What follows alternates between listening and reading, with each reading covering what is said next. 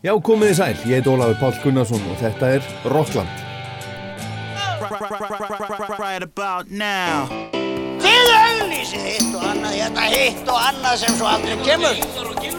Það var bara ekki auglýst, það var auglýst hvennasöng.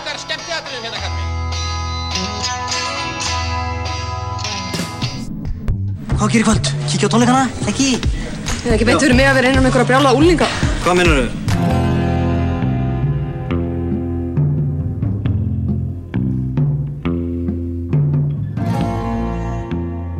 Ellen Kristjánsdóttir, söngkonan frábæra og tónlistakonan, lagahöfundurinn, er gestur Rocklands í dag. Hún átti stór amæli núna á árinu, var 60 og á því tilöfni ákvað hún að efna til stóra tónleika í Háskóla Bíó núna næsta lögadag þar sem hún verður með frábæra hljómsveit með sér og öll fjölskyldan verður með henni á sviðinu, þessi stóra tónlistarfjölskylda, eiginmaðurinn Eithor Gunnarsson, dæturnar syngjandi, Sigga, Beta og Elín Eithorstætur og bróðir Ellenar, KK, hann verður sérstakur gestur. Og Maggi og Pálmi, mannakvarnu þetta og ljósin í bænum verða endurvækin og svo framvegis. Og af þessu tilöfni þá fannst mér tilvalið að spurja Ellen hvort hún væri til í að heimsækja Rockland og fara með okkur í gegnum ferilinn og lífið og tilveruna. Og blessunarlega sagði hún já. Og Ellen er gestur Rocklands í dag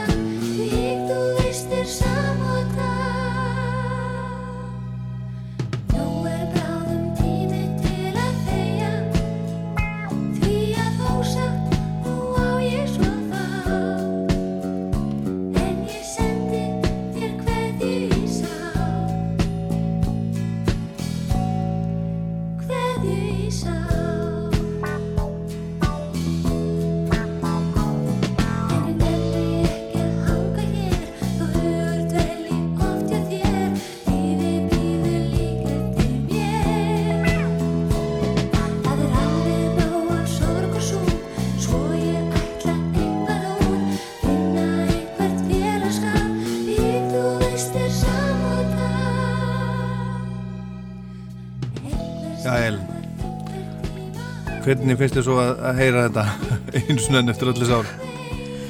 um, bara notalegt. Já, gott lag. Þetta er gott lag. Maggi er snillingur. Magnús Eiríksson. Magnús Eiríksson. Þinn samstarfsfélagi til svo, til svo ótrúlega margar ára. 40 ára. 40 ára, já, einmitt. Herðu, en hérna syngur þú stjörtu? Nei, Ekkert svo leiðis? nei En svona þegar þú ert heima eitthvað setja í þvóttavill eitthvað svo leiðis? mm, ef, ef ég er að fá ykkur hugmyndir Já, þá syngi ég eitthvað svona uppátt Já, já, þú gerir það. Já. Þú Og ekki ef ég er að æfa mig líka náttúrulega. Já, en þú ert ekki svona bara heima að raula eitthvað svona einhver lög eftir, eftir hérna, einhver Tom Jones lög eða eitthvað? Nei. Um, Eiginlega ekki sko. Nei, Svona meira kannski að æfa ykkur lög sem ég er að fara að syngja. Já Meira þannig. Herðu, en við skulum fara hérna alveg, alveg tilbaka. Við ætlum að svona skauta þess yfir, yfir, yfir bara þitt líf svolítið, þinn feril. Já. og hérna og heyra fullt af lögum sem þú hefur sungið, sungið gegnum tíðuna, það er nú nóga, nóga þeim. Mhm. þú ert, þú ert fætt í San Francisco. Já, fyrir ekki, ég er fætt þar. Segðu okkur nú, nú svona stuttu, stuttu útgáfuna þeirri, þeirri sögu. Já, ég er sérstætt um, yngst af fimm sískinum og mamma og pappi fluttu til um, Minnesota rétt eftir stríð og egnust þar um, bræði mína og pappi var í námi sem verkfræðingur og, þegar, og þegar Kristján bróði minn var eitthvað sex veikna þá fluttu við til Kaliforni Já, og svo fættist ég bara eitthvað þremur árum setna aha. þar. Og síðan er liðið mörg ár. Nokkuð mörg, já. Já. Ég kom heim þegar ég var að verða sjöra, fluttu vel heim, við fjögur sískinin og mamma. En þú, þú manst, manst, manst eftir þessum árum eitthvað, Já, þarna úti? já, já, alveg, alveg helling. Fullt alveg, já. Hvað er svona, svona sterk, sterk, er eitthvað svona einhver, einhver sterk minning frá Ameríku? Já, til dæmis bítlanir. Já. Það var mjög, sagt, ég átti sýstu sem að var 14 árum eldri en ég. Hún var alltaf að hlusta á bítlana. Já, já. Og ég man alveg eftir, það var hérna I wanna hold your hand Já. á bítlanum. Og hérna, ég hlustaði mikið á þetta og ég grét alltaf. Ég heyri þetta lag. Nú er Ég- það? já, ég- Af hverju? Ég hef ekki hugmynd. Það er ekkert sorglegt við þetta lag. Ekkert, ekkert, en þeim fannst það svo fyndið, þannig að þeir settu á aftur og aftur og ég fór gráta, þannig að, Skemmtilegt. já, Já. Þú ert fætt 59 aha, og þannig að sko bara þegar bílarnir er að byrja þá ertu bara fjara, fimm, já, sex ára. þannig er ég eitthvað fimm ára, já. Á bíla árunum. Og Ég í var- Ameríku. Já, og, og gjörsamlega með þrá ekki út af þeim. Já, er það? Já. En mannstu eftir eins og svo margir, sko, þú varst nú kannski aðeins ung, þú, þú sást þá ekkert í ett Söllivan eða svoleiðis. Mannstu ekkert eftir því? Uh, ég man ekkert eftir því, sko, en þetta var náttúrulega mikið að breytast þarna og þessi tíska og allt þetta, en ég var alltaf að skrifa um bref. já, Mamma það. þóttist senda, en svo fannst þetta löngu setna, sko. Já, já, var- Hvað varstu að skrifa? Ég var bara obsessed að ég væri svo æðislegir. já. Einu sinni sá ég eitthvað svona síðarna mann við vorum inn á veitingastæð og þá stakk ég af Já, og held þetta að væri Paul McCartney. já, er það. já, já, þannig að, Já, þú varst bara, þú, var- já, þú varst bara svona uh, hugfangin að þeim. já, Og var, var Pól þinn maður? nei, ekki, já, þeir voru allir bara. Já, Kannski engin- meira, um, kannski meira Lennon manneskja sem barn, Já. já. Þú hefur ekkert sungið að bílalögu? Ekki svona, ekki sem ég mann eftir? Ég hef verið með á prógraminu, nei, bara Imagine You Já. og hérna, og skal ég segja nokkur svona sem hafa verið beðinum í brúðkaupið eitthvað svo leys. I Will, Blackbird náttúrulega. Og svo hef ég reynda að vera með á prógraminu núna Help í svona nýri Já, útsendingu. já. Er ekki komið tími á bara bílaplötu með Ellen? Er það ekki alveg? ég held það, takk. Já, Jú, það er margt ég- vittlisara heldur, já, heldur en það. Takk fyrir það. En, en, en þið, þið fluttu heim frá Ameríku þegar þú varst, uh, hvað séu, sjóra? Já, Og, og hérna, uh, af hverju, af hverju voru það uh, flytja heim úr sólinni í, í Kaliforni? það er löng saga, skal ég segja þér. Pappi minn ákvað að skreppa eitthvað og það var Já, hann bókstaflega hvarf. Vietnam, já, Já, hann fór til Vietnam. já. Ekki sem hermaður en sem verkfræðingur. Já, já. Og hann hvarveila þar og þannig að mamma í rauninni var neitt til þess að fara heim með okkur. Já, þið, þið, þið heldur að hann væri dáinn. Jafnvel, já, Já. Og he, bara heyrist ekkert í honum í, heyrist ekkert í honum. í, í hvað langa tíma? Ég veit ekki alveg ár kannski, eitthvað svolítið allavega það ár. Þetta lítur nú að hafa, hafa haft áhrif á, á fjölskylduna sem var, sem var heima. já það hefði mjög mikil áhrif á okkur. Sýsti mín var reynda trúlofu þannig að hún fór ekki og í námi, hún fór ekki með okkur heim en það var bara pakkað saman í, í hérna stationbíl, Já. köttur og, og skjálpöka og við fjögur og mamma og keiriðum í, á einni viku til New York. Tókum flug þanga til Íslands og, og tveir bræðra minna fóru í skipi. Já, já. En fenguðu að ta taka köttin og skjaldbókina með? Skjálpugan fór, já, já. Það var svo auðvelt á. Ég kom skjálpuganu í skókassa í flugi. Er það? Já, Ekkert mál. ég meina, fór ekki Elli Viljáns með apa? Ég veit ekki. Ég held það. Manni getið þeirri já. Kleopatra hétt hún. Hún er nýt áin, sko. Er það? Já, mjög gömul. Merkilegt. Eldri en ég, sko. Og var hún alla, alla tíð hjá þér? Hún var eiginlega alla tíð hjá mér og svo gaf ég litlu frængu minni sem býr á Seyðisfyrði, Avanti. Dóttir Pétursbróður, hún fekk hana og bjóð þar bara rosa vel. Þetta er alveg, alveg ótrúlega. en, en hérna, en hvernig, eh, hvernig fannst þið svo að svo að koma hérna, hérna heim? Manstu það eitthvað? Ég maður nákvæmlega, já. Vegna þess að því ég kom út úr flugvilni, þá, þá lappaði maður bara beint út á flugvill. Það var ekkert svona rani eða neitt. Og það var snjór. Og ég hafði aldrei séð snjó. Já. Og það var búið að móka, eða sérst, móka svona haug af snjó. Og við Kristján hljöpum bara þangað eitthvað. Við vorum eins og, ég veit ekki hvað, við höfum aldrei séð snjó, við höfum aldrei átt úlpur. Já. Gáðum loksins nota ullapeysunar sem amma mér var alltaf að prjóna, sko. Það var mjög gaman. Ég Já. man alveg eftir þessu. Fannst ykkur gott, gott að koma yngað?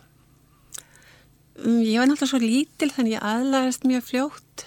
Um, já, mér fannst mm, allt í lægi. Náttúrulega mjög mikið breyting á öllu. Veðrið og, og svona sko. Saknaði sýstu minnar og, og hérna, og pappa náttúrulega. Já. En, en hérna, börn einhvern veginn, já, svo Já, frábæra já, mömmu. að, aðlagast, já, já. gera En, en svo, svo hérna bara dúkaði pappiðin upp aftur eða ekki?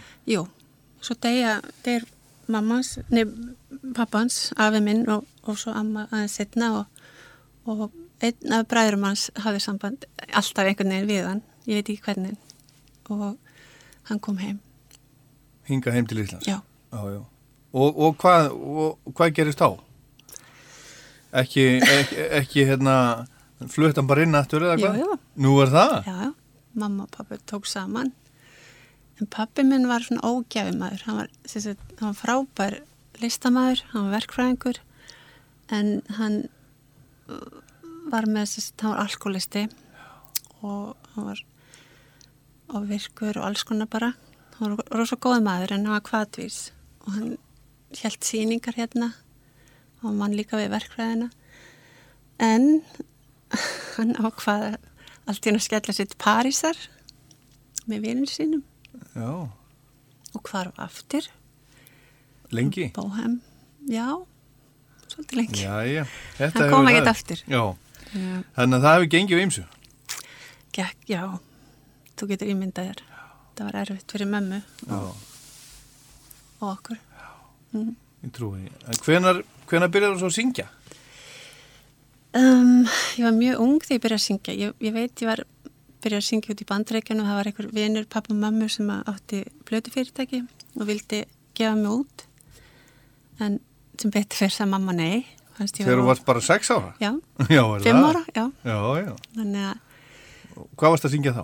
þá var ég að syngja svona bara alls konar, svona Julie London lög sem að mamma, og bítlalögin alltaf og svo ykkur barnalög. Þetta átti að vera ykkur barnablata og ég var í steppdansi líka frá Hollywood eitthvað.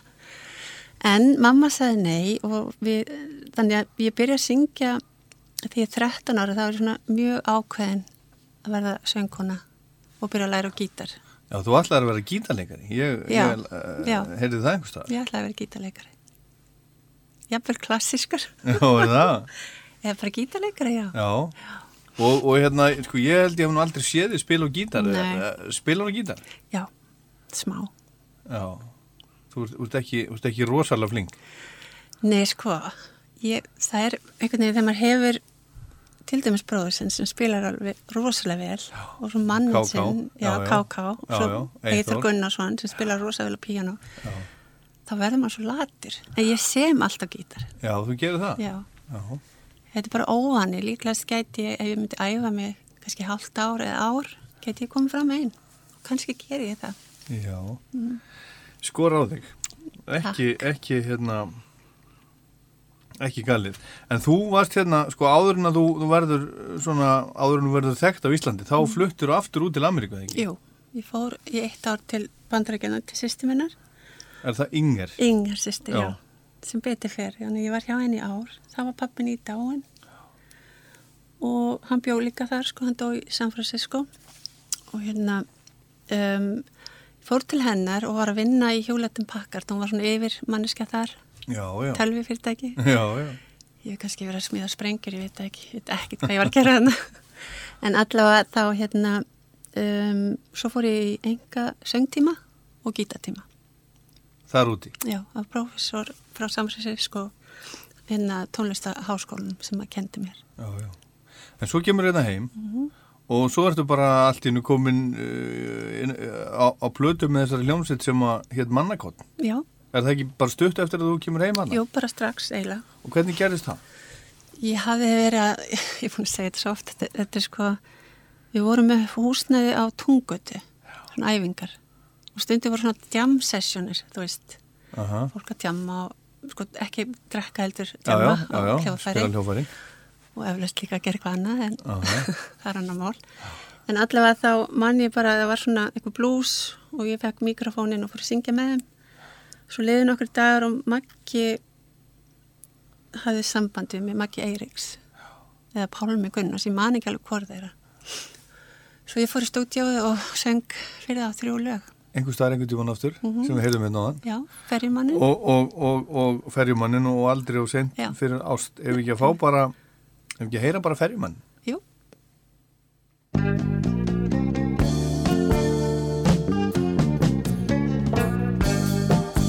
Við stöndum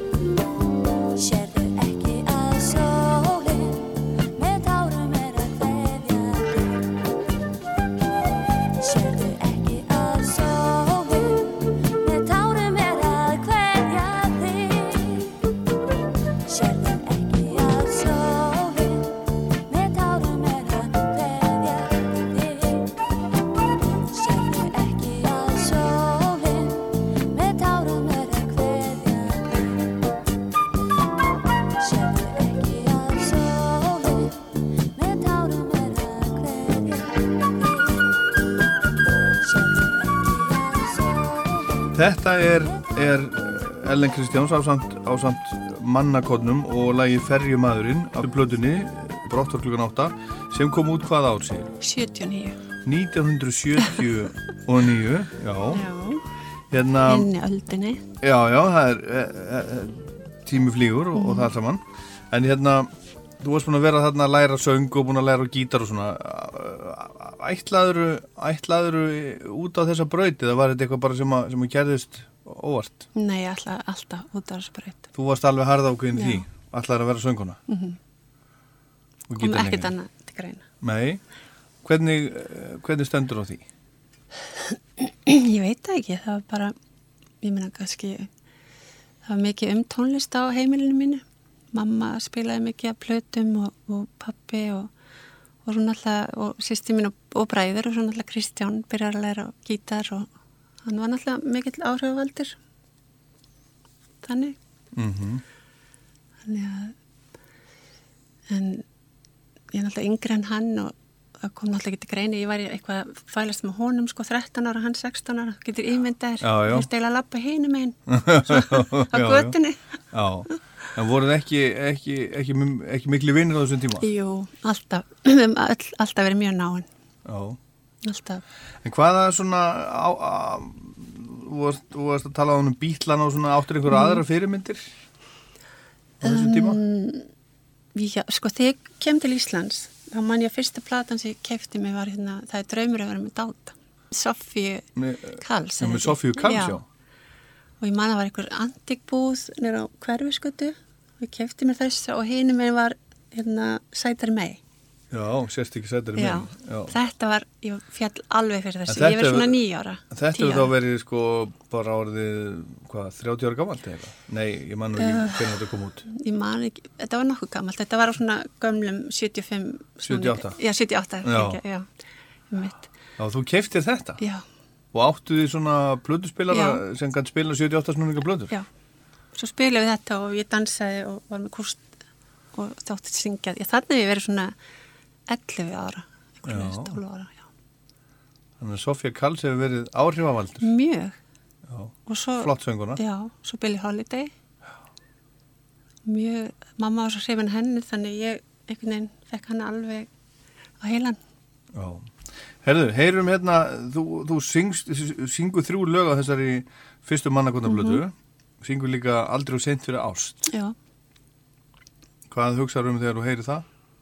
Eða þegar þú hugsaður um það lag? bara mjög einhvern veginn fyndið, mér fannst það svo fyndin textin sko. Því þetta er svona par að syngja um til hvers annars. Og mér fannst einhvern veginn að fór alltaf að hlæja sko. Þú hugsaður alltaf um sjálfaði og eitthvað svona, mér fannst bara svo fyndin texti. og ég hugsaði ennþá þannig. Og ég og Pálmi þegar við erum að syngja þetta. Okkur finnst þetta alltaf svolítið svona skondi. En skemmtilegt.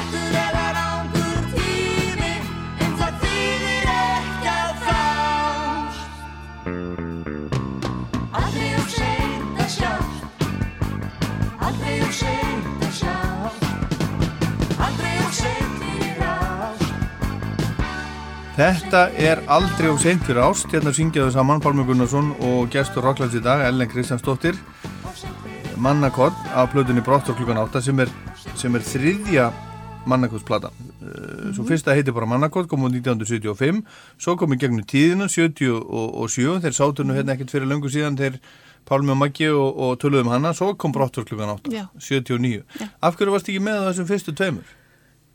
Já, þú varst bara- þú- kannski þú- 13 ára Þú varst bara út í Ameríku og 13 ára. Já. Eitthvað svo leiðis Einhvern veginn finnst mér sko þegar ég hugsa um þá finnst mér að alltaf hafa verið hluta þessari hljómsett Já, mér finnst það líka einhvern veginn en, en það voru hérna tvær á undan þannig að, Já, já, sem er náttúrulega alveg frábærar plötur. Já. Og hérna Svo, svo á þessum tíma þá sko, e- e- þetta ruggla mig þetta ruggla, þetta er, þetta er svolítið rugglingslegt Já. þess að svo er þarna á sama tíma þá, þá ertu að syngja með ljósunum í bænum. Já, einmitt það Er það ekki? Er það ekki hann á sama tíma? Jú, þá er Segðu mér frá ljósunum í bænum.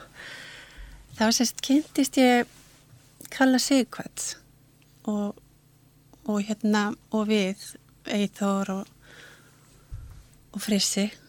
Og hann einhvern veginn verður vinur okkar og fer með okkur hérna í sjónvarpið. Þannig ég kem í fyrsta skipti fram hérna í sjónvarpið með Kalla Sigvart Já, það var bara eitthvað blues, það var bara eitthvað. Já, bara já. eitthvað svona sem að improviseraði sko fyrir Kalla Já. og svo og hrollur í ískáp sem heit eitthvað verk eftir hann. Hrollur í ískáp já, og þú varst að syngja þessu? Já, og ekkert búið að æfa ekki neitt? Nei. Þannig að og hvernig Og ég- leiðir með það? mér finnst þetta bara, ég var bara svo mikið svona góð með mig veginn Ekkert mál, já, ég skal fara í sjónvarpi og syngja bara eitthvað einhvern veginn með, með Kalla Sigvart, það er ekkert mál. Já, ég, ég, ég, ég held ég myndi ekkert vilja endilega sjá þetta en, en þetta er mjög spes. Já, En einhvern veginn í gegnum hann held ég, minni mig, kynnist ég Stefáni, Stefánsinni, Stefáni S, sem hefur pör ljósins í bænum. Þá er hann að gera svona plötu og er að fá alls konar gesti til sín. Þess að Dittu og mig, mm -hmm. og okkur fleira og svo syngur hann sjálfur. Og þar syngi ég tvö lög. Höldu fólki og vor. huldu fólkið og vor Já, Já, Um, hérna, ég ætla að lefa þar að velja, skulum heyra annarkort kannski höldu fólki. Huldu fólkið, Mhm. heyra það Ok. Hefur þið séð huldu fólki allt í kring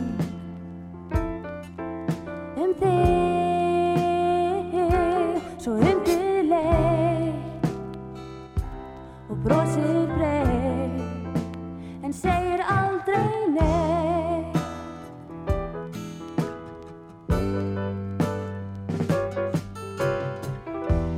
Hefur þú séð huldu fólki allt í kring um mig? Svo venjulegt og hversdagslegt að það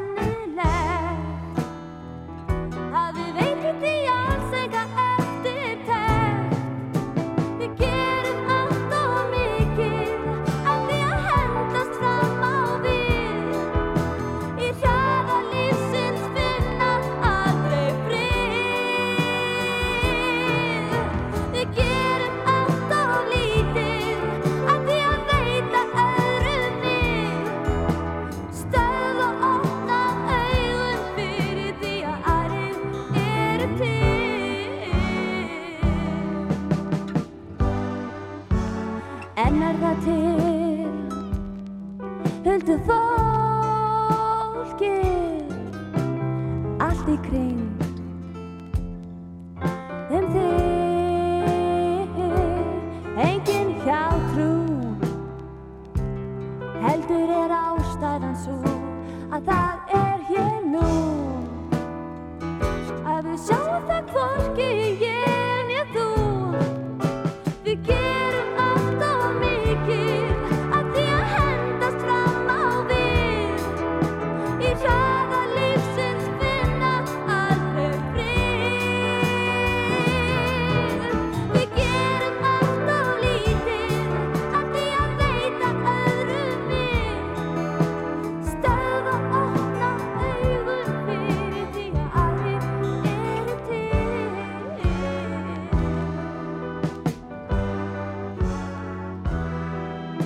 Mikið er þetta, þetta, þetta fögur rödd Ellen Kristjánsdóttir Huldu fólki, ljósin í bænum hvað hvað þannig erstu hvað? 19. Þannig erstu 19 ára og alveg með þá að reyna að þú sért bara bara flott sönguna og allir að vera í því Já, alltaf mjög, alltaf mjög svona gaggrínin á sjálfa mig. Já, En þarna var ég búin að vera úti í heilt ár, úti í bandaríkjunum og ég var obsessed af Earth, Wind and Fire. já, af hverju það? Ég fór að sjá þá, sko, vinkonu mín var, uh, vinur henni var frændi bassalegarans, þannig and Fire bauði okkur á tónleikana. Nei. á Oakland Stadium, jú, það var ótrúlegt. Og ég ringdi heim, veist, maður ringdi aldrei heim frá bandaríkjunum. Nei, daginn eftir til að segja öllum frá þessu og engin vissi hverju, hverju þeir voru. Nei. Já, En það átti nú eftir að breytast. Já, heldur betur. En ég var, það var mikið svona og ég sá líka hérna Average White Band Aha. og Mini Repeton Al Green Já, já. Ég var bara mjög mikið að fara á tónleika og, og bara hlusta tónlist Já. alltaf. Það er mikið svona sko, þú einhvern veginn svona þe- þegar ég ho- ho- horfa á nafnið þitt og hugsa um þið þá, þá er ekki fyrsta sem er dettur í huga svona blues og jazz. En þú er búin að vera samt mjög mikið í því og það er, Mhm. er það ekki svona það er, er það ekki grunnurinn? Ertu ekki með kannski- svolítið í því? kannski blues, jú. Og svona jazz g- gamalt þú veist, jú, ég elska það alveg en varum einmitt mikið í því eins og með flokki mannsins sem var bara svona fusion jazz blues Aha. band. Það var hérna það var mjög gaman, Já. Skemmtilegt tímabil. En, en hérna aðeins að ljósun, ljósun með bænum, þetta er svo að, Stefán. Stefánsson er, er, er kjarnið þar. Mhm. Pappi eh, Erlu Stefáns og, og þeirra. stelp, já, Já. einmitt, einmitt. Hérna, þe- þetta er svo að hans band Aha. og alls konar fólk með honum. Eithor, hann var þarna með, eða ekki Nei, líka? hann var ekki Hann var byrjar ekki? Nei, og var Gunnar Raps og, og hann var á bassa þeir, þeir voru svona aðal sko. þetta er fyrsta bandi sem að verður til Já, sem ljósin í bænum og, og, og sko stærsta og þekktasta, þekktasta lægið sem að ljósin í bænum gerður er, er, er Disco Smellir í mikli, Já. Disco Frisco, sem Já. var svona disco grín, það var að gera grína discounum Já, það var svona ádela og ennþá lifir þetta sem stærsta Já. íslenska diskolæg Nákvæmlega, þetta var sem sagt þegar Hollywood var upp á sitt besta og hérna, þá, þarna koma inn Eithor Gunnarsson og Fririk og Gulli Brím. Já, með svo fórstu Já, þeir þrýr og svo setna kemur Jói Jóhann, en hérna og þá, já, þá ákveðum við sérst að gera plötu saman, öll vinnana saman. Stefán heldur áfram að semja. Og hérna og þetta átti að vera ádela á diskotek Já, þannig að en það, já en þið voru samt, ég menna, en þið voru að spila samt svona svona músík, svona þú veist, svona soul soul og disco. Ég veit ekki það hvað ekki? flokkast undir þetta er svona þjóðlega pop, rock tónlist hjá honum Stefánu finnst mér. Þetta var eina disco-lægi sko. Þannig að svo gerði hann náttúrulega lag sem heitir Fallin já, já, það var líka mjög mikið hitt. Disco Frisco lifir góðu lífi. Já, við, við túrum út um all land það var alltaf byrðið eftir þessu lægi sko. Er það ekki? Aðalægin aðalagi og Gunni Þórðar, hann var með ykkur í þessari blödu Jú, hann próduseri þessa plötu og hérna og Jói Helga var líka með í röndum Já, já, í hérna Disco Frisco mikið landslið þarna. Já. Disco,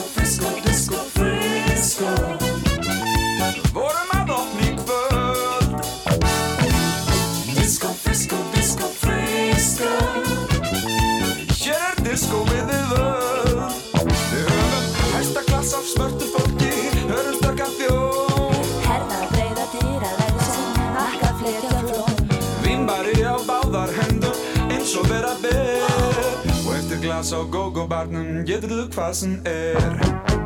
Disco, frisco, disco, frisco. The grooviest place in town. Disco, frisco, disco, frisco. Eitthvað sem enginn lifir á Við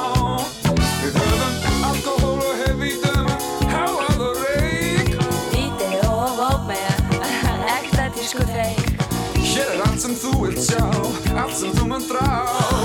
Og morgun mannstu ekki hverju þú svafst hjá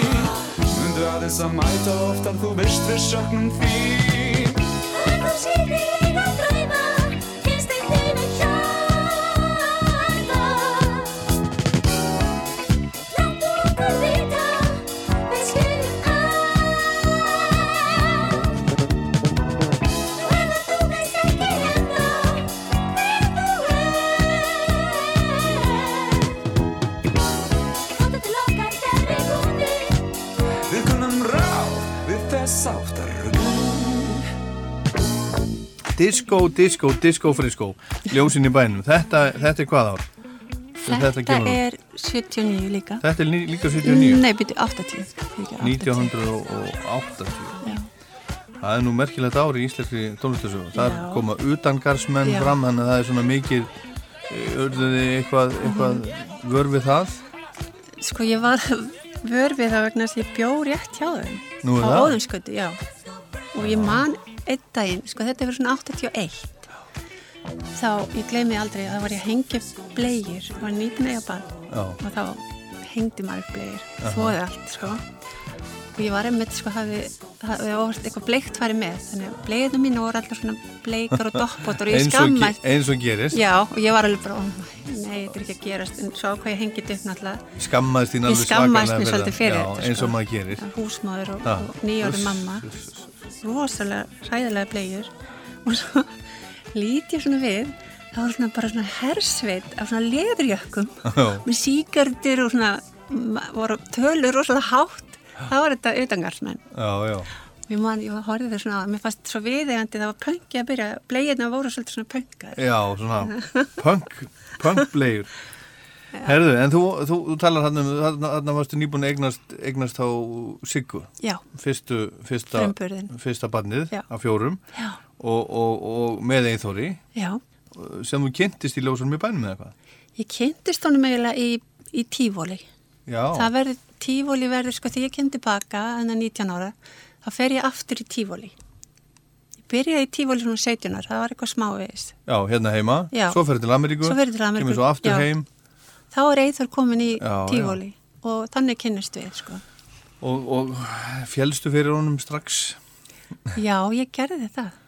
Ekki kannski, sko, því hann er tveimur árum yngri en ég, þannig að hann var bara eitthvað 16 eða 17. Já, hann er yngri en þú Já, og ég, en ég fjall fyrir hann sem músikant alveg á stundinni. Ég sá alveg að það var eitthvað hann í gangi sem ég hef ekki séð á þeir svona sko og en mér fannst það náttúrulega allt og ungur þannig við, en svo fórum við saman í hljómsveit og svo fórum við að draga okkur saman, hann var átján og ég tvíti þetta var leini. Þetta- Því vorum alls svo góðir vinir, þetta var svolítið erfitt. Já, það. Já, það verður eitthvað allt innu við, eitthvað tvö, sko. Þannig að- Þannig að þið voru vinir fyrst Já, bara mjög í góðir svona, vinir. svona hóp, hóp. Já, alltaf saman, já, öll. Já, já, og þið fannst þetta erfitt að þið var tveimur ára mingri. Já, mér fannst það bara að vera badd, sko. Mér fannst ég svona að fá svona strax svona, mm, eitthvað svona móður tilfinningu feist, sko. En það hlýtur nú að hafa verið fljótt að fara. já, mjög fljótt að fara. Já, Svo beði ég bara, hún til að hann var orðin átjónara. já.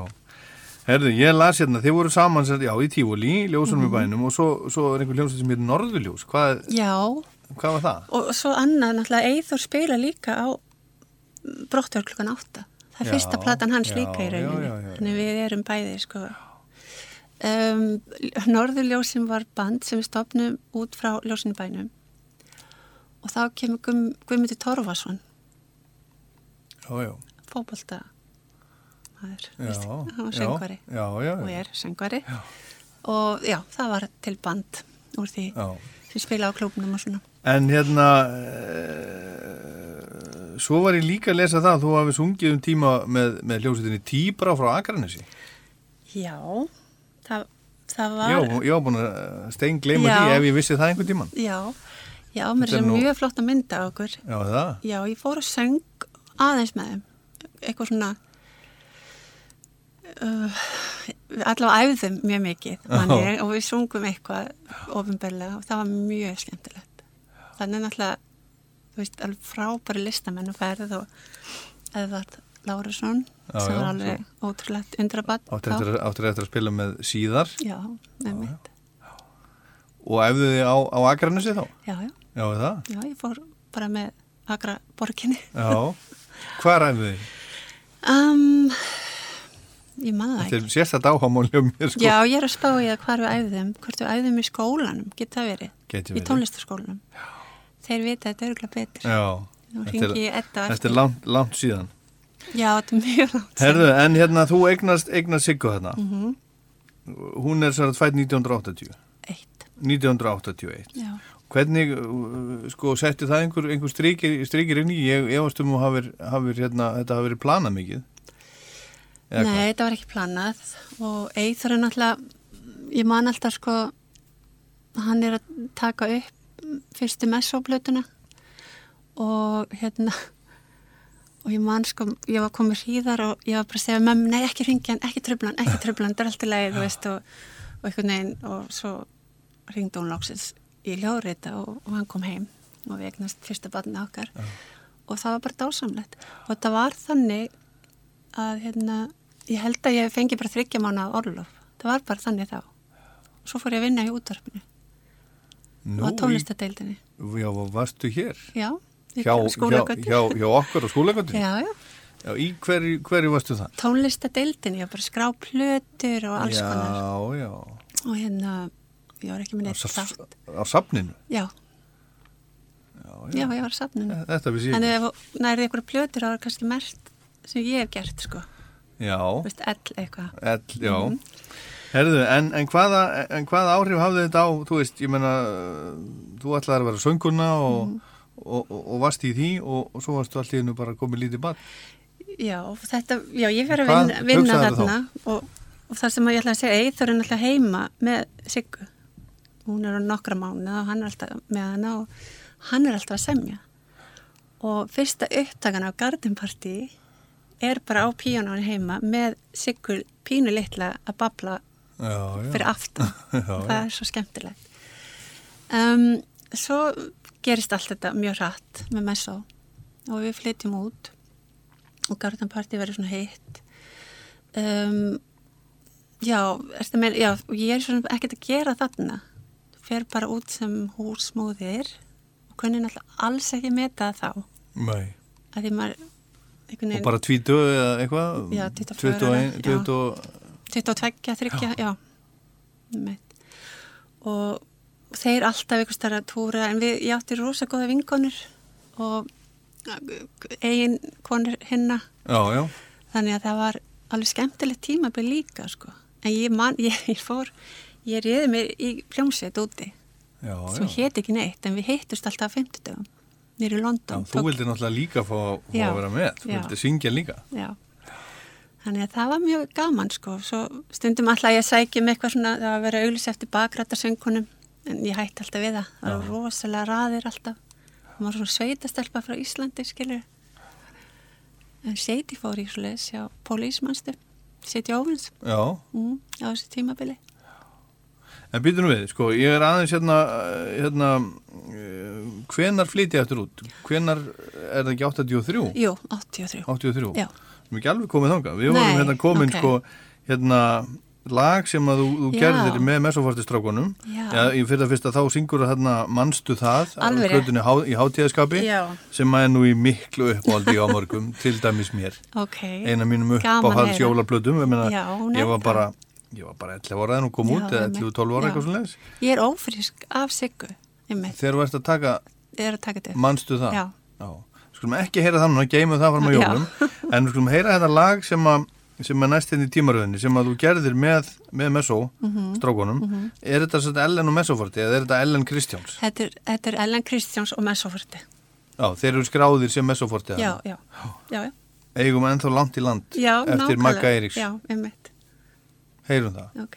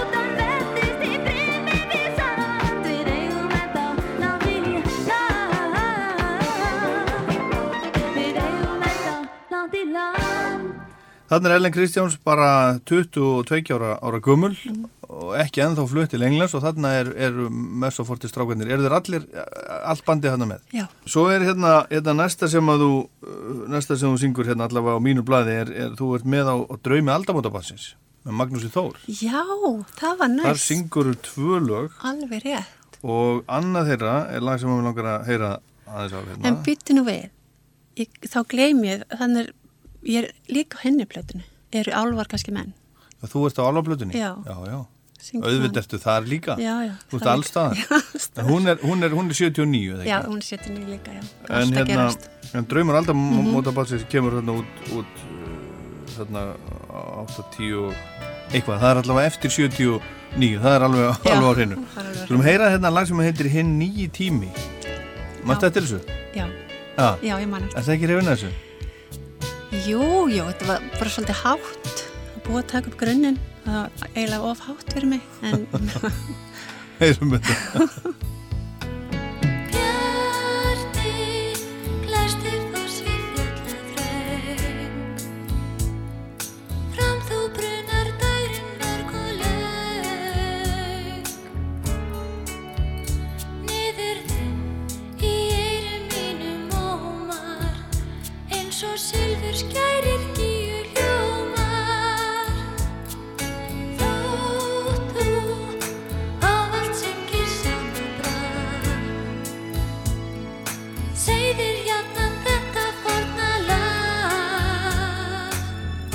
Við heyrum restin af þessu hérna rétt á eftir í seinni hluta Rocklands en þá heldur Ellen Kristjáns áfram að segja okkur sögur og við heyrum fleiri af hennar lögum.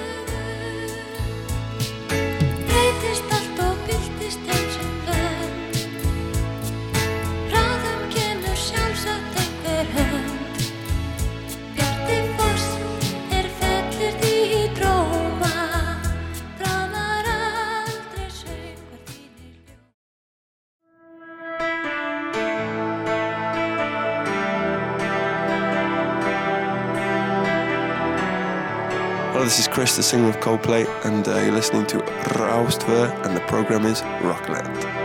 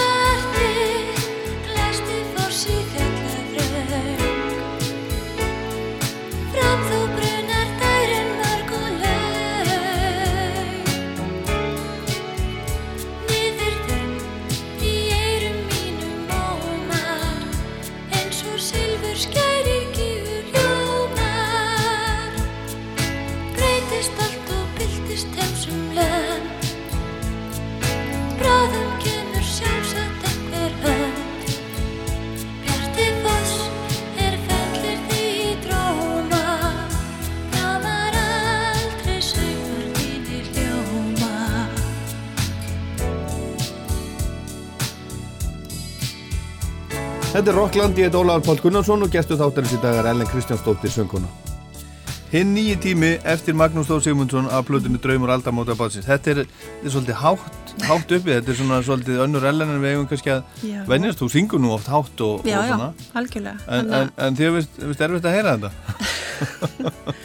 Nei, þetta er svona öðruvísi, þetta er svolítið ólíkt mér Já. en, en svona svona sérstætt lag og hérna, já, rosalegt rývörp þetta er svolítið sá tími sem allt var bara í, í rývörpi Nei, nei, mann, veist Þetta var er bara barnsins tíma Já, fólk er já. náttúrulega mishrifið af því sem það gerir. Já, nákvæmlega Herðu, en við vorum komin hérna að, að hérna, Messoforti slæri gegn með Garden Party, þeir flytja út strákanir, þeir flytja öll með bara Mm. Fjölskyldunar, konunnar og börnin sem, mm. sem, sem, sem voru komin mm.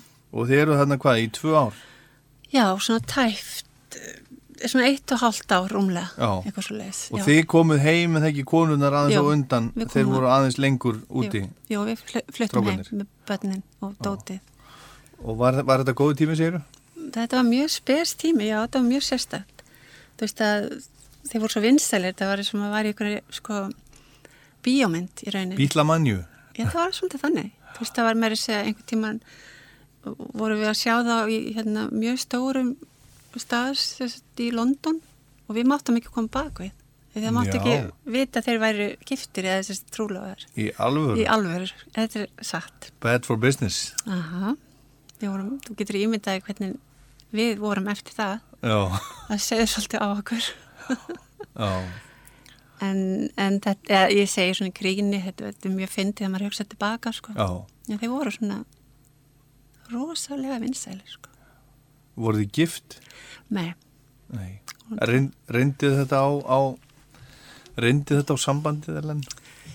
um, já, kannski, ég myndi, þetta er náttúrulega miklar fjárverur og, og hérna, bæða góðan og skrítinhátt, já, þú veist, það er mikið ruggli kringum allt svona, þannig að, Þú myndir ekki vilja vera í þessu alla daga? Nei, þetta var samt mjög gaman oft, ég viðkenni það, en, en hérna, nei, sem betur fer, gátt maður stoppað Já. á ágættistíma. Mm Herðu, svo, svo, svo, svo kemur hérna heim og þú ert í hljómsveit með, með Magga Kjartans eitthvað, Já, svona dansljómsveit. það var mjög skemmtilegt. Hótel Sögu fórum, sagt, hann ringdi mig þegar ég kom heim og réði mig, ég var mjög þakklátt, hafði ekkert að gera. Og hérna, Jói Helga og, og fullt af frábæri fólki í þessu bandi. Og svo kom Eithor setna inn í þetta band Mhm. líka. Og það var bara mjög gaman. Já, og þið var að spila hóttisögu bara á svona helgar vinna, Já, fram á nætur. það er bara algjörlega helgavinna fram á nætur og mamma alltaf heima, passa. Já, og hérna þetta var mjög fyndið tímafél við vorum rosalega blöng, það trúir því enginn að því, þú veist, maður svo vart að búin að vera svona, en við áttum enga pening og ég tók bílpróf þannig, ég var að gera það og kefti mér eitthvað hræðilega mörstu sem var öll að dætti sundir og heyrði svo hátt í einu að löggan stoppaði mig alltaf þegar ég var að kæra heim á hótel sögu, bara þú voru að láta að gera við bílinn. Þetta var mjög fyndið tímafél en næs, að og við byggum upp, í breiðholti við leiðum þar. Og- en þetta var skemmtilegt herðu, svo, svo eignastu, eignastu e, dóttur nummer tvö. Mhm. Já, við flytjum, við kaupum okkur pingulíti hús að Baldurskutu og hérna, og þar fæðist Elisabeth, dóttir nummer 2, Já, 86, enn en söngunan. en henn söngkonan, já. Ha, já. þetta er allt syngjandi og spilandi kringu þig. Já, Það við, er ótrúlega mikil Skrít- músik í þessari fjölskyldu. já, Sigriður er sko elsta, hún fór þessi að alltaf í læknanám og, og, og byrjaði á einhver svona sjúkra, er sjúkraliði og stúdent en svo fór hún í listaháskólan og er, er í tónment í tónsmíðar segi ég, það er með bjöða próf þaðan þannig að það er ekkert sem að við vorum að íta áskilur þetta Nei. ge- gerist svona Emi, stelpurnar uh, uh, syngja allar. allar, já, En, en, en sonurinn, líka, yng, yngsta barni. líka Já, hann er auðvitað, hann er í hérna, hérna, hérna rap hljómsveit, með, meðar annars, er hann í einhverju fleiru? Geisa Kartel og svo er, var hann að spila með Top, nei hvað heita þér um, Top Pop Top og ég man ekki hvað er þetta. Þeir eru eitthvað mjög vinsælir. Clubbed Up? já, hann var að spila með þeim. Já, já. hvað er að mér, oh, sorry. Og Byrnir er svona, veist, hann er í þeim sagt, Já, bransa og hann er ótrúlega flinkur, hann er bara svolítið hlétrægur Svona hvaðan hefur það frá mömmu sinni? Öruglega nei, ég veit það ekki, þeir eru svona Þú veist nú hlétræk? er ég? Já, Já, ég er þú ert svolítið ekki mikið fyrir að svona, svona, um, það, það fyrir ekki mikið fyrir þér, Nei, ekki þannig. nei, kannski ekki. Ja, hvað finnst þér sjálfri? Nei, ég er ekki, það, ég er svolítið svona upp á sviði, það fyrir náttúrulega eftir bara hvernig stemningin er, Ég reyni alltaf að gefa bara 100%. Já, já. Bara Nei, ég er að meina, sko, ég, annað, ég er ekki að meina það, ég er að meina bara svona, það er ekki, þú ert ekki svona, það er ekki svona, það er ekki mikið læti, læti kringu þig, þú ert ekki svona æðandi út um allt, út og söður, segja Nei. hér er ég. Nei, en það heitir fyrsta plata mín Ellen læðist um. Þannig að, en, Koma henni hérna, hérna á, á ettir. en það er meitt sko, er hérna, talandi um sko, hérna, ég veit ekki hvort ég var búin að segja en við, við sungum inn á plötu hjá Pál Óskari í hitti fyrra, ég og dæti minnar. Það er svona fyrsta skipti sem við syngjum eitthvað svona saman sem gesta, það er mjög vinsall lag, danslag sem að Pál Óskar gerði. Ég þurfti nú bara að koma því að, skilja. Já, já, Það voru við mjög vildar, sko. mjög vildar. Já, með Pálin alltaf. Já, já, já. Herðu, næsta lag sem ég er með hérna hjá mér á, á blaðinu er Mannakott 1988. Mhm. Ég lifð og dó í Reykjavík. Já, Það er á plötu sem heitir, heitir Bræðrabandalægið. já. Hvaða minningar áttu nú tengdar þessari, þessari plötu? Uh, þetta var mjög skemmtilegt tímabil í tónlist fannst mér. Það var mikið, veist, það var náttúrulega enda svona svolítið punk. Mm, eitthvað svona, eitthvað bara mjög fallett enn í tónlist fannst mér. Um, eða ekki punk kannski, mér er svona eitthvað, það var eitthvað að breytast. Já. Veist, úr 80s og allt Já, þetta, já, þetta. það eru síkumólarnir Já. og, og það er gangi svolítið skemmtileg stemning í Mjög, Reykjavík, svona í Já. kringum síkumólana og Mhm. smekkleis nákvæmlega. en þið voru nú ekki, ekki mikið tengt í það. Nei, við vorum alltaf hjá fálkanum og ég man ekki hver gefur út þessa plötu sko. Nei, vorum ekki tengt því. En þarna er sko bara já, mér fannst þetta svo æðislegt lag. Og ég man að Eithor var að vinna með Megas hérna á einhverju plötu. Og Megas kom stundum og fekk sér kaffi sopa hjá Mhm, mér. og, og þetta var bara svona eitthvað næs byggum nýri bæ. Og bara góð, góð minning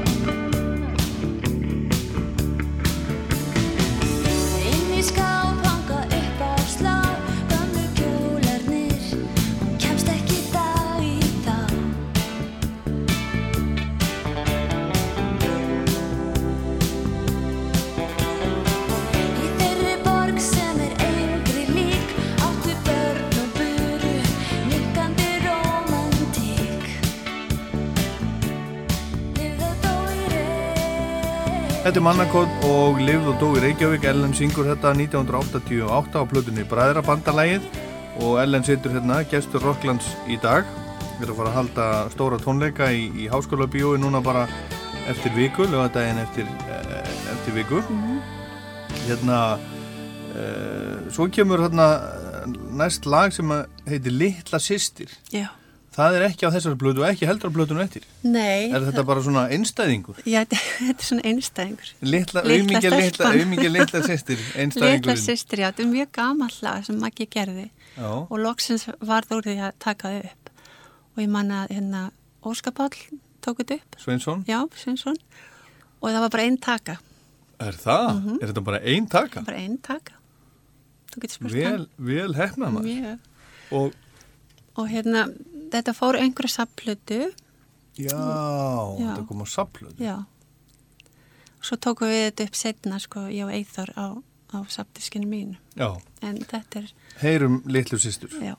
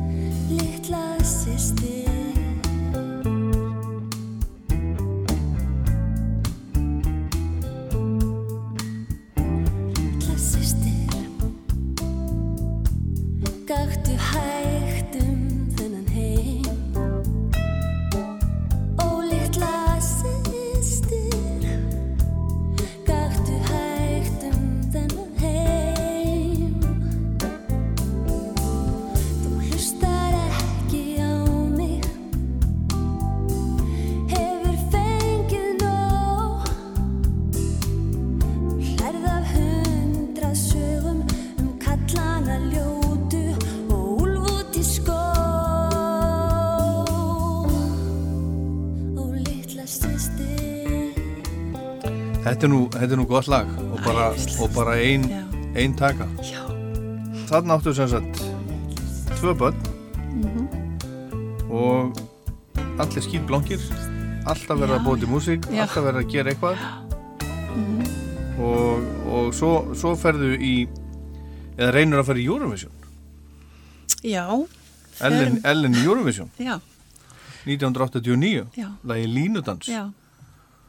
Hvað getur þú sagt mér frá því? Þá var þetta en í dag. Það var, var haft samband við Magnús og nokkra aðra Valgir, Guðjóns og fleiri sem að voru beðnir um að semja fyrir Eurovision. Mhm. Þannig að það var svolítið öðruvísi sko. Og þeir, sagt, þannig að þannig fórum við inn. Við vorum ekki valin sko, um, eða veist, það var engin kostning Mhm. fyrir en við þessi hópu var búin að syngja lögin. Það var bara, ég var mjög stolt af þessu lagi. Mm. Áttu þetta lag? Nei, Maggi. Já, Maggi á þetta lag. Maggi á all lagið og, Já, já, og, og textan auðvita, auðvita á það. Já, og það fór sér sett, það var valið af landsbyðinni, það, við vorum búin að vinna alveg þar og, en svo var einhver viðkvæmur fyrir textanum hér í að, Býttu nú aðeins við. Hérna, uh, sem sagt, lægið vann í rauninni í, í á landsvísu, uh, hvernig var kosið á þessum tíma? ég veit það ekki. Ég það bara, hafa líklega verið dómnefndir þá út um allt land. Já, líklegast, ég held það, já. Þannig að það vann og var á leiðin í Eurovision Uh en, en það var í hérna. brugðið fyrir það fæti. Já, Og, og hvað, hérna, 1989, var Já. það ekki, hérna, uh, var það ekki, hérna, Daniel Ágúst sem, a, fór, sem að fór þá? Jú. Það sem enginn sér? Já. Núl stygg? Já, Var það ekki? jú. Heldur að, hvað heldur að Ellen hefði fengið fengi mörg stig í Eurovision? Já, og við- langaði þið mikið að fara? Ekkert sérstaklega. Ég, Nei. veist, það var ekki þannig, nei. Mér, mér fannst bara lægið svo flott og mér fannst rosa gaman að taka þátt. Jú, auðvitað var maður komið sem á hjarslátt og bara ætli við sem að fara en okkur datar svo sem ekki endil í hug Nei. fyrir en þetta fór að gerast út um all land. Og svo þegar komið ljósa að dómnefndin hefði verið eitthvað ósátt því það er amersk, amersk lína, sko, drink like a swine eða eitthvað Já, svona, já, þá já. var eitthvað viðkvæmni fyrir því, þá voru við svolítið spælt. En þá var það þannig að þú máttir ekki syngja sko á ennsku minni mig. Já. Þannig við hefum líklegast breytt Það þurftu allir að syngja á sínu, sínu Móðurmáli. Já, Já, já. Þetta var gaman.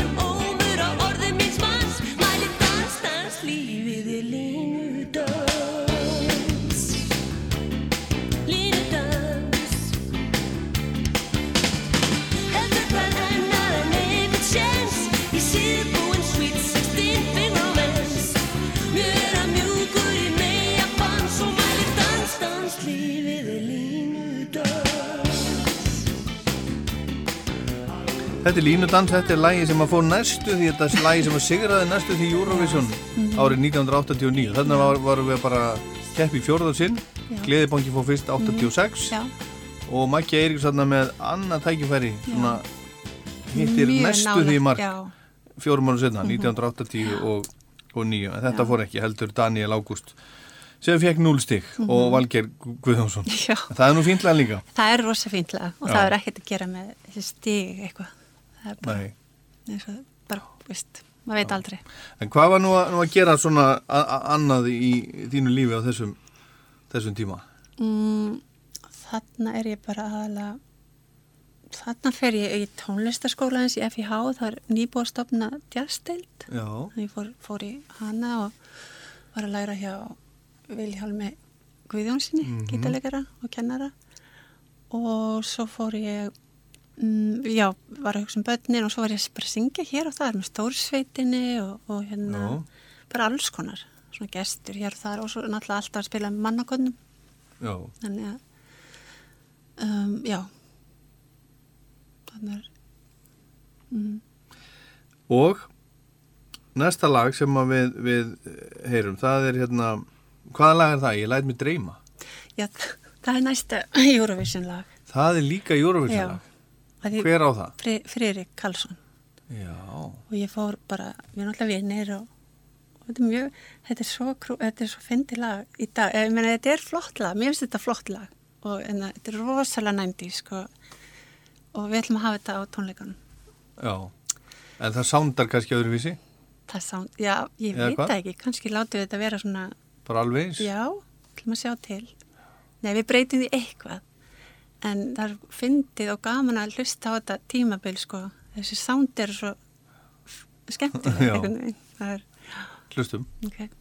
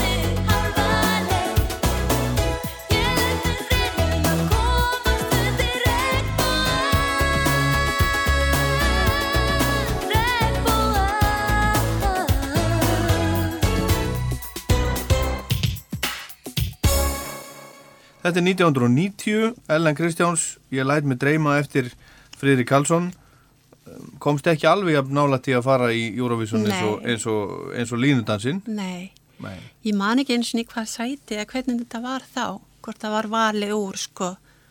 Ég man ekkert hvernig þetta var.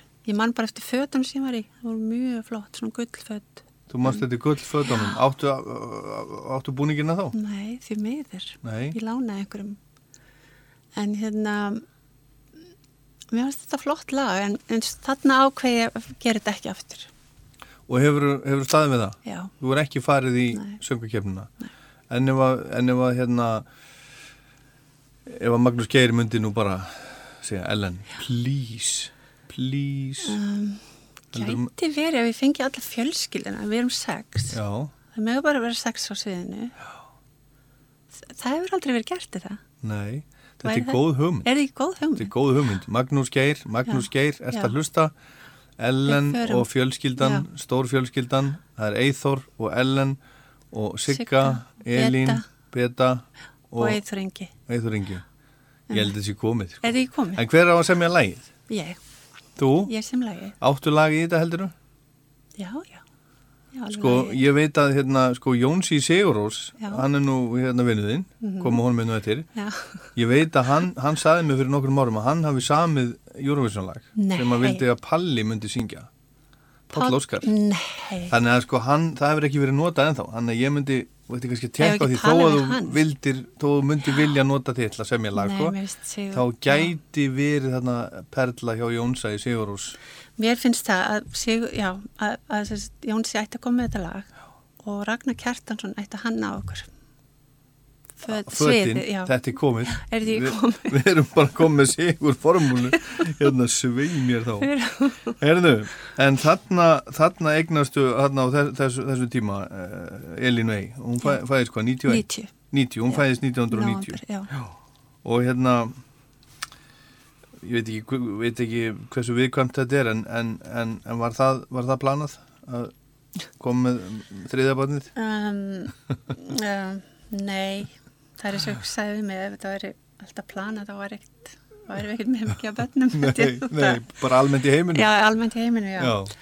Um, Nei, um, en öll sko, nei, hún var ekki plönuð og það var ég ætla ekki að fara ná, nánar út í það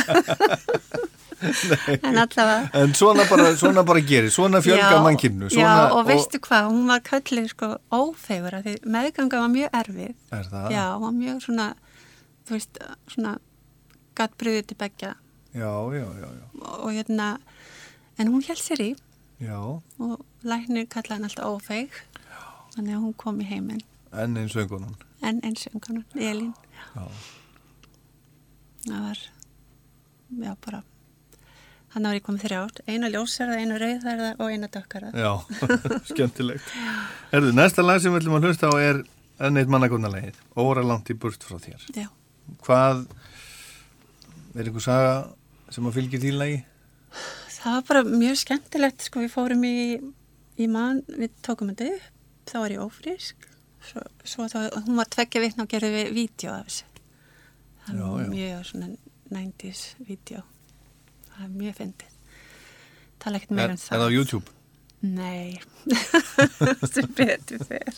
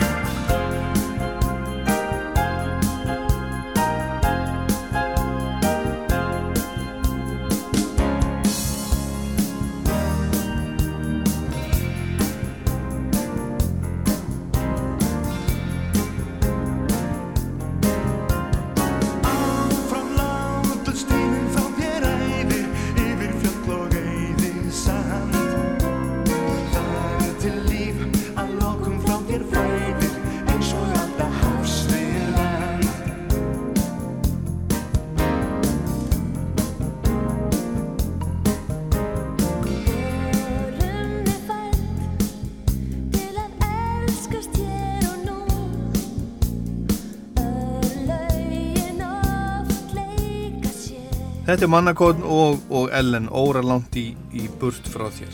Já, einmitt. Þetta er hvað 1990 og því ég tek upp þetta lag þá eða við Pálmi og, og, og manna gott þá er ég ólétt af Elínu, yngstu dóttur Aha. og það er einmitt í textanum veist, stóra ástin er svo sem en, hærist enn í mér Já. og ég man alltaf, alltaf strjúka bumbinu sko, Já, já. þykir svona sérstaklega væntum þetta lag af því Já, en hérna, já, þetta er flott lag. já, þetta er mjög flott lag Og, og verður á tónleikonum eða eitthvað? já, Já. og Pálmi Og hann ætlar að vera með þér Já. og Maggi. með sjálfsög svolítið fyndi sko þeir eru báði búin að eiga ammali þá er ég gestur Já. þannig að við förum svona hringin Já, já, allir búin að, Já. búin að halda amali. Já.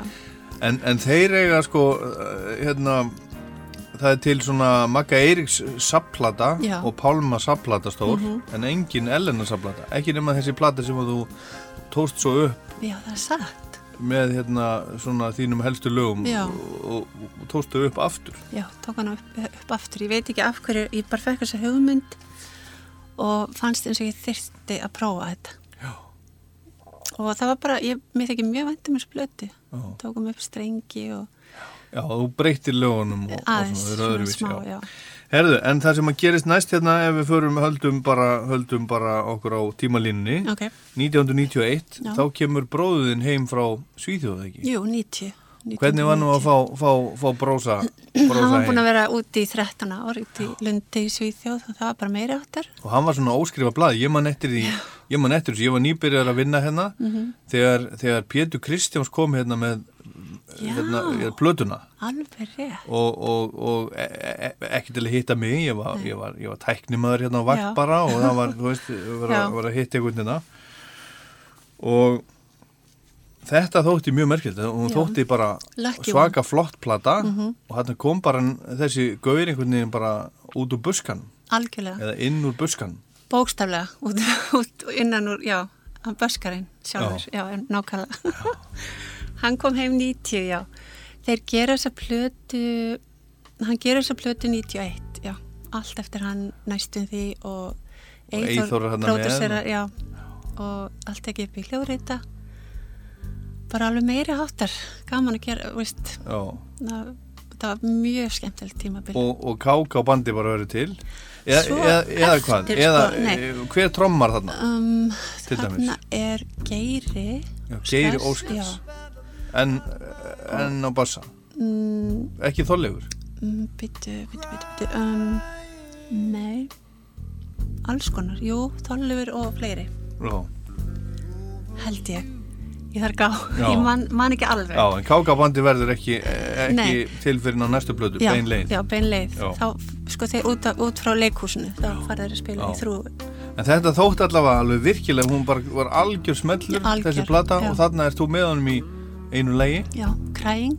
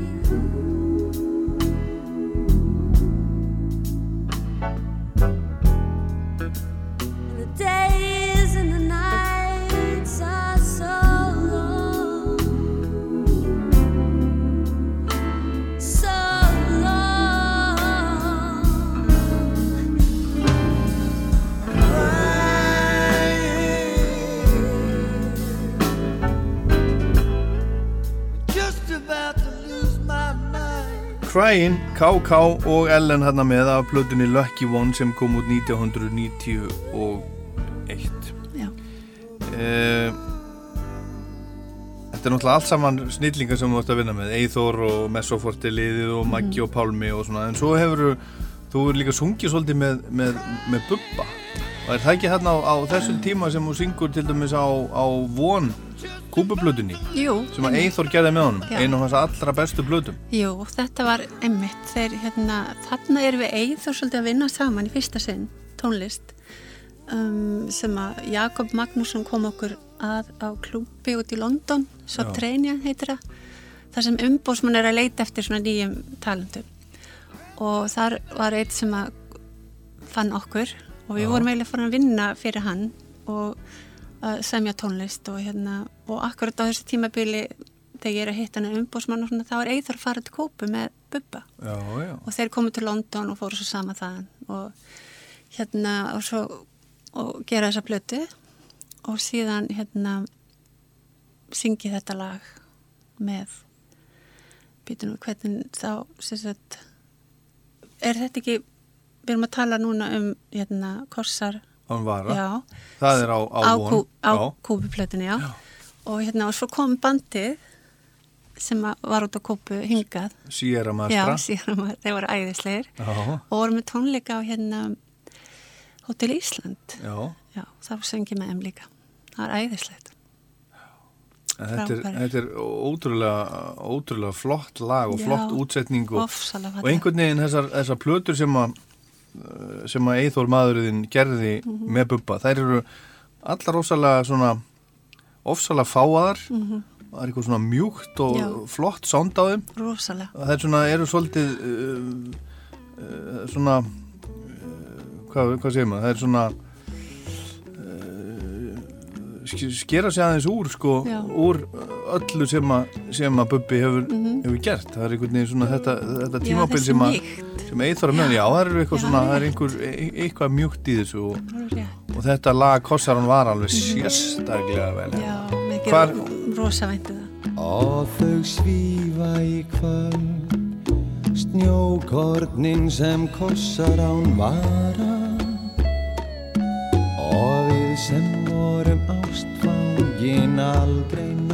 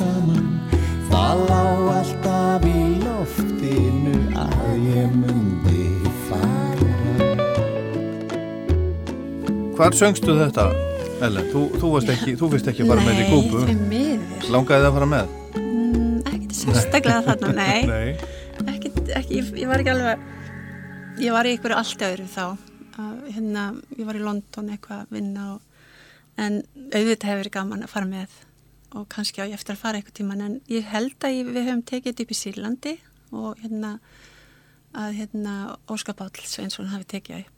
Mér minni það. Þetta, ég er náttúrulega bara í svona bakrödd og svo var gert vídeo Já, bara það- þetta, þetta, gerir, þetta gerir allt, þetta gerir sitt. Já. Og þú hefur sungið svolítið, uh, sungið í fleiri svona stórum bubbalögum. Þú syngur í Fallegu dagur. Já, alla rattirna þar Já, þegar en að sá um að útsýta það það er nú ekkert smá flott lag. Nei, það er rosa flott og flott útsett Og gott að elska. Já, gott að elska Þú ert þar líka? Já, syng uh, röddina þar Já. og svo ykkur öðru lægi sem að ég man ekki hvað heitir sem að hérna rakst á bara ykkur vídeo um daginn ég bara Já, man já. ekki, man ekki hvað heitir Þú sungið svolítið mörg lög og þú manst ekki einu sinni hvaða lag og með einhverjum, ég man samt öll þessi lög. Já. það var gaman að, fá að syngja með Bubba. Engin smá, smá, hérna, hvar, hvar kynntist þú honum? Bubba, Já, ég held ég að kynast honum í gegnum Þorleif. Já. einhvern tíman ég á laugavegi þá Þorleifur og Kristján bróðin eru náttúrulega æsku vinir. já, já, og ég er náttúrulega Þorleifur bara eins og bróður okkar. Já. ég kynntist honum örgulega þegar ég var bara tíu Og þeir voru náttúrulega saman í Ego á sínum tíma. Já, Þorleifur og Bubbi, Já. já.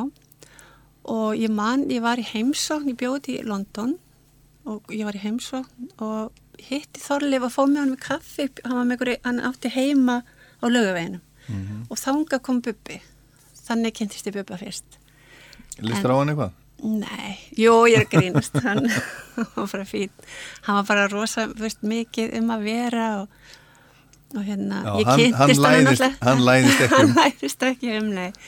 Hann var bara, maður var bara alveg, vó, svona, hæ, eitthvað, en, en ég, já, ég vorum að hlusta ykkur lög líka, já, sem, eftir Kristján, já, og hérna Þorleifur, já, alveg rétt. En þannig, ég sá hann svona í návist minni fyrst þarna. Mhm. Herðu, næsta, næsta mál á dagskrá er, eru borgadætur. Það er nú eitt æfintýri sem að sem að þú uh, átt stóran þátt í. Mhm. Hvernig urðu borgadætur til? Borgatættur urðu þannig til að Berglind Björk hafði samband við mig og Andri og hvort að Andri hafi líka mm, hafði samband, þær einhvern veginn voru með þessa hugmynd báðar. Ég man ekki hvort þeirra um, framkvæmdi, hvort það var, ég held að örgulega verið Berglind, sem að hérna hafði samband og við þrjár hittumst, svona í stöttum áli og ákvaðum að vera Andriús, borgatættur. Taka all. Já, en okkur, af hverju þið þrjár? Ég hef ekki hugmynd. Nei. Ekki hugmynd. Og ég held sko, þetta var svo skemmtilegt. Ég hef aldrei unni með konum áður. Þetta er eitthvað skemmtilegast sem ég hef gert, skilur. Og við fórum alla leið. Og erfiðasta líka, því rattirnar í þessu, þetta var svo mikil vinna. Að, og, og þess virði. Við vorum bara, og við erum alltaf gersamlega ólíkar allar þrjár. Þannig kannski var það sem að passa svona vel saman. Já, en þekktust þið eh, þarna fyrir þetta?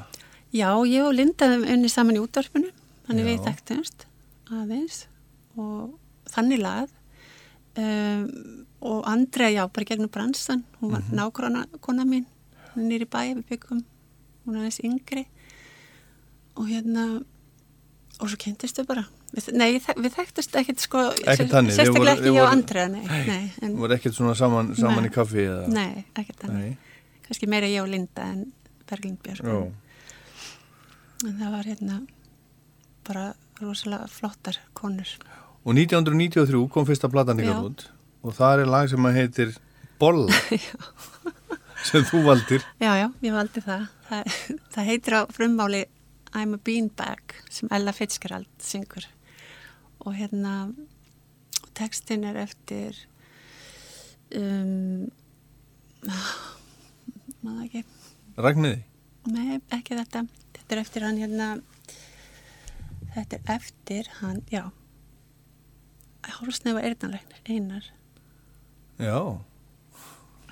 Af hverju, af hverju, af hverju samdi hann þetta fyrir einhvern?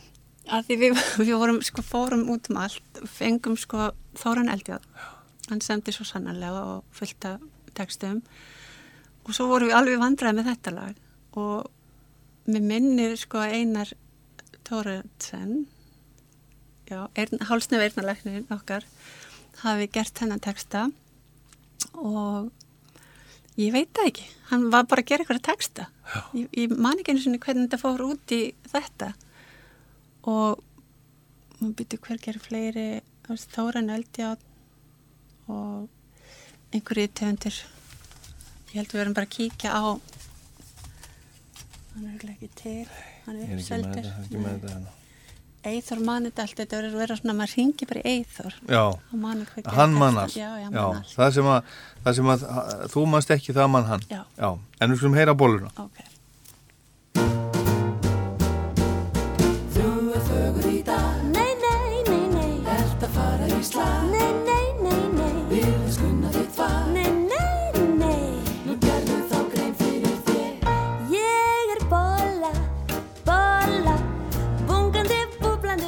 Það er talsvert eftir af sögu og ferli Ellenar Kristjáns. Við komum ekki meira að því í dag, höldum áfram með Ellen í næsta þætti eftir viku.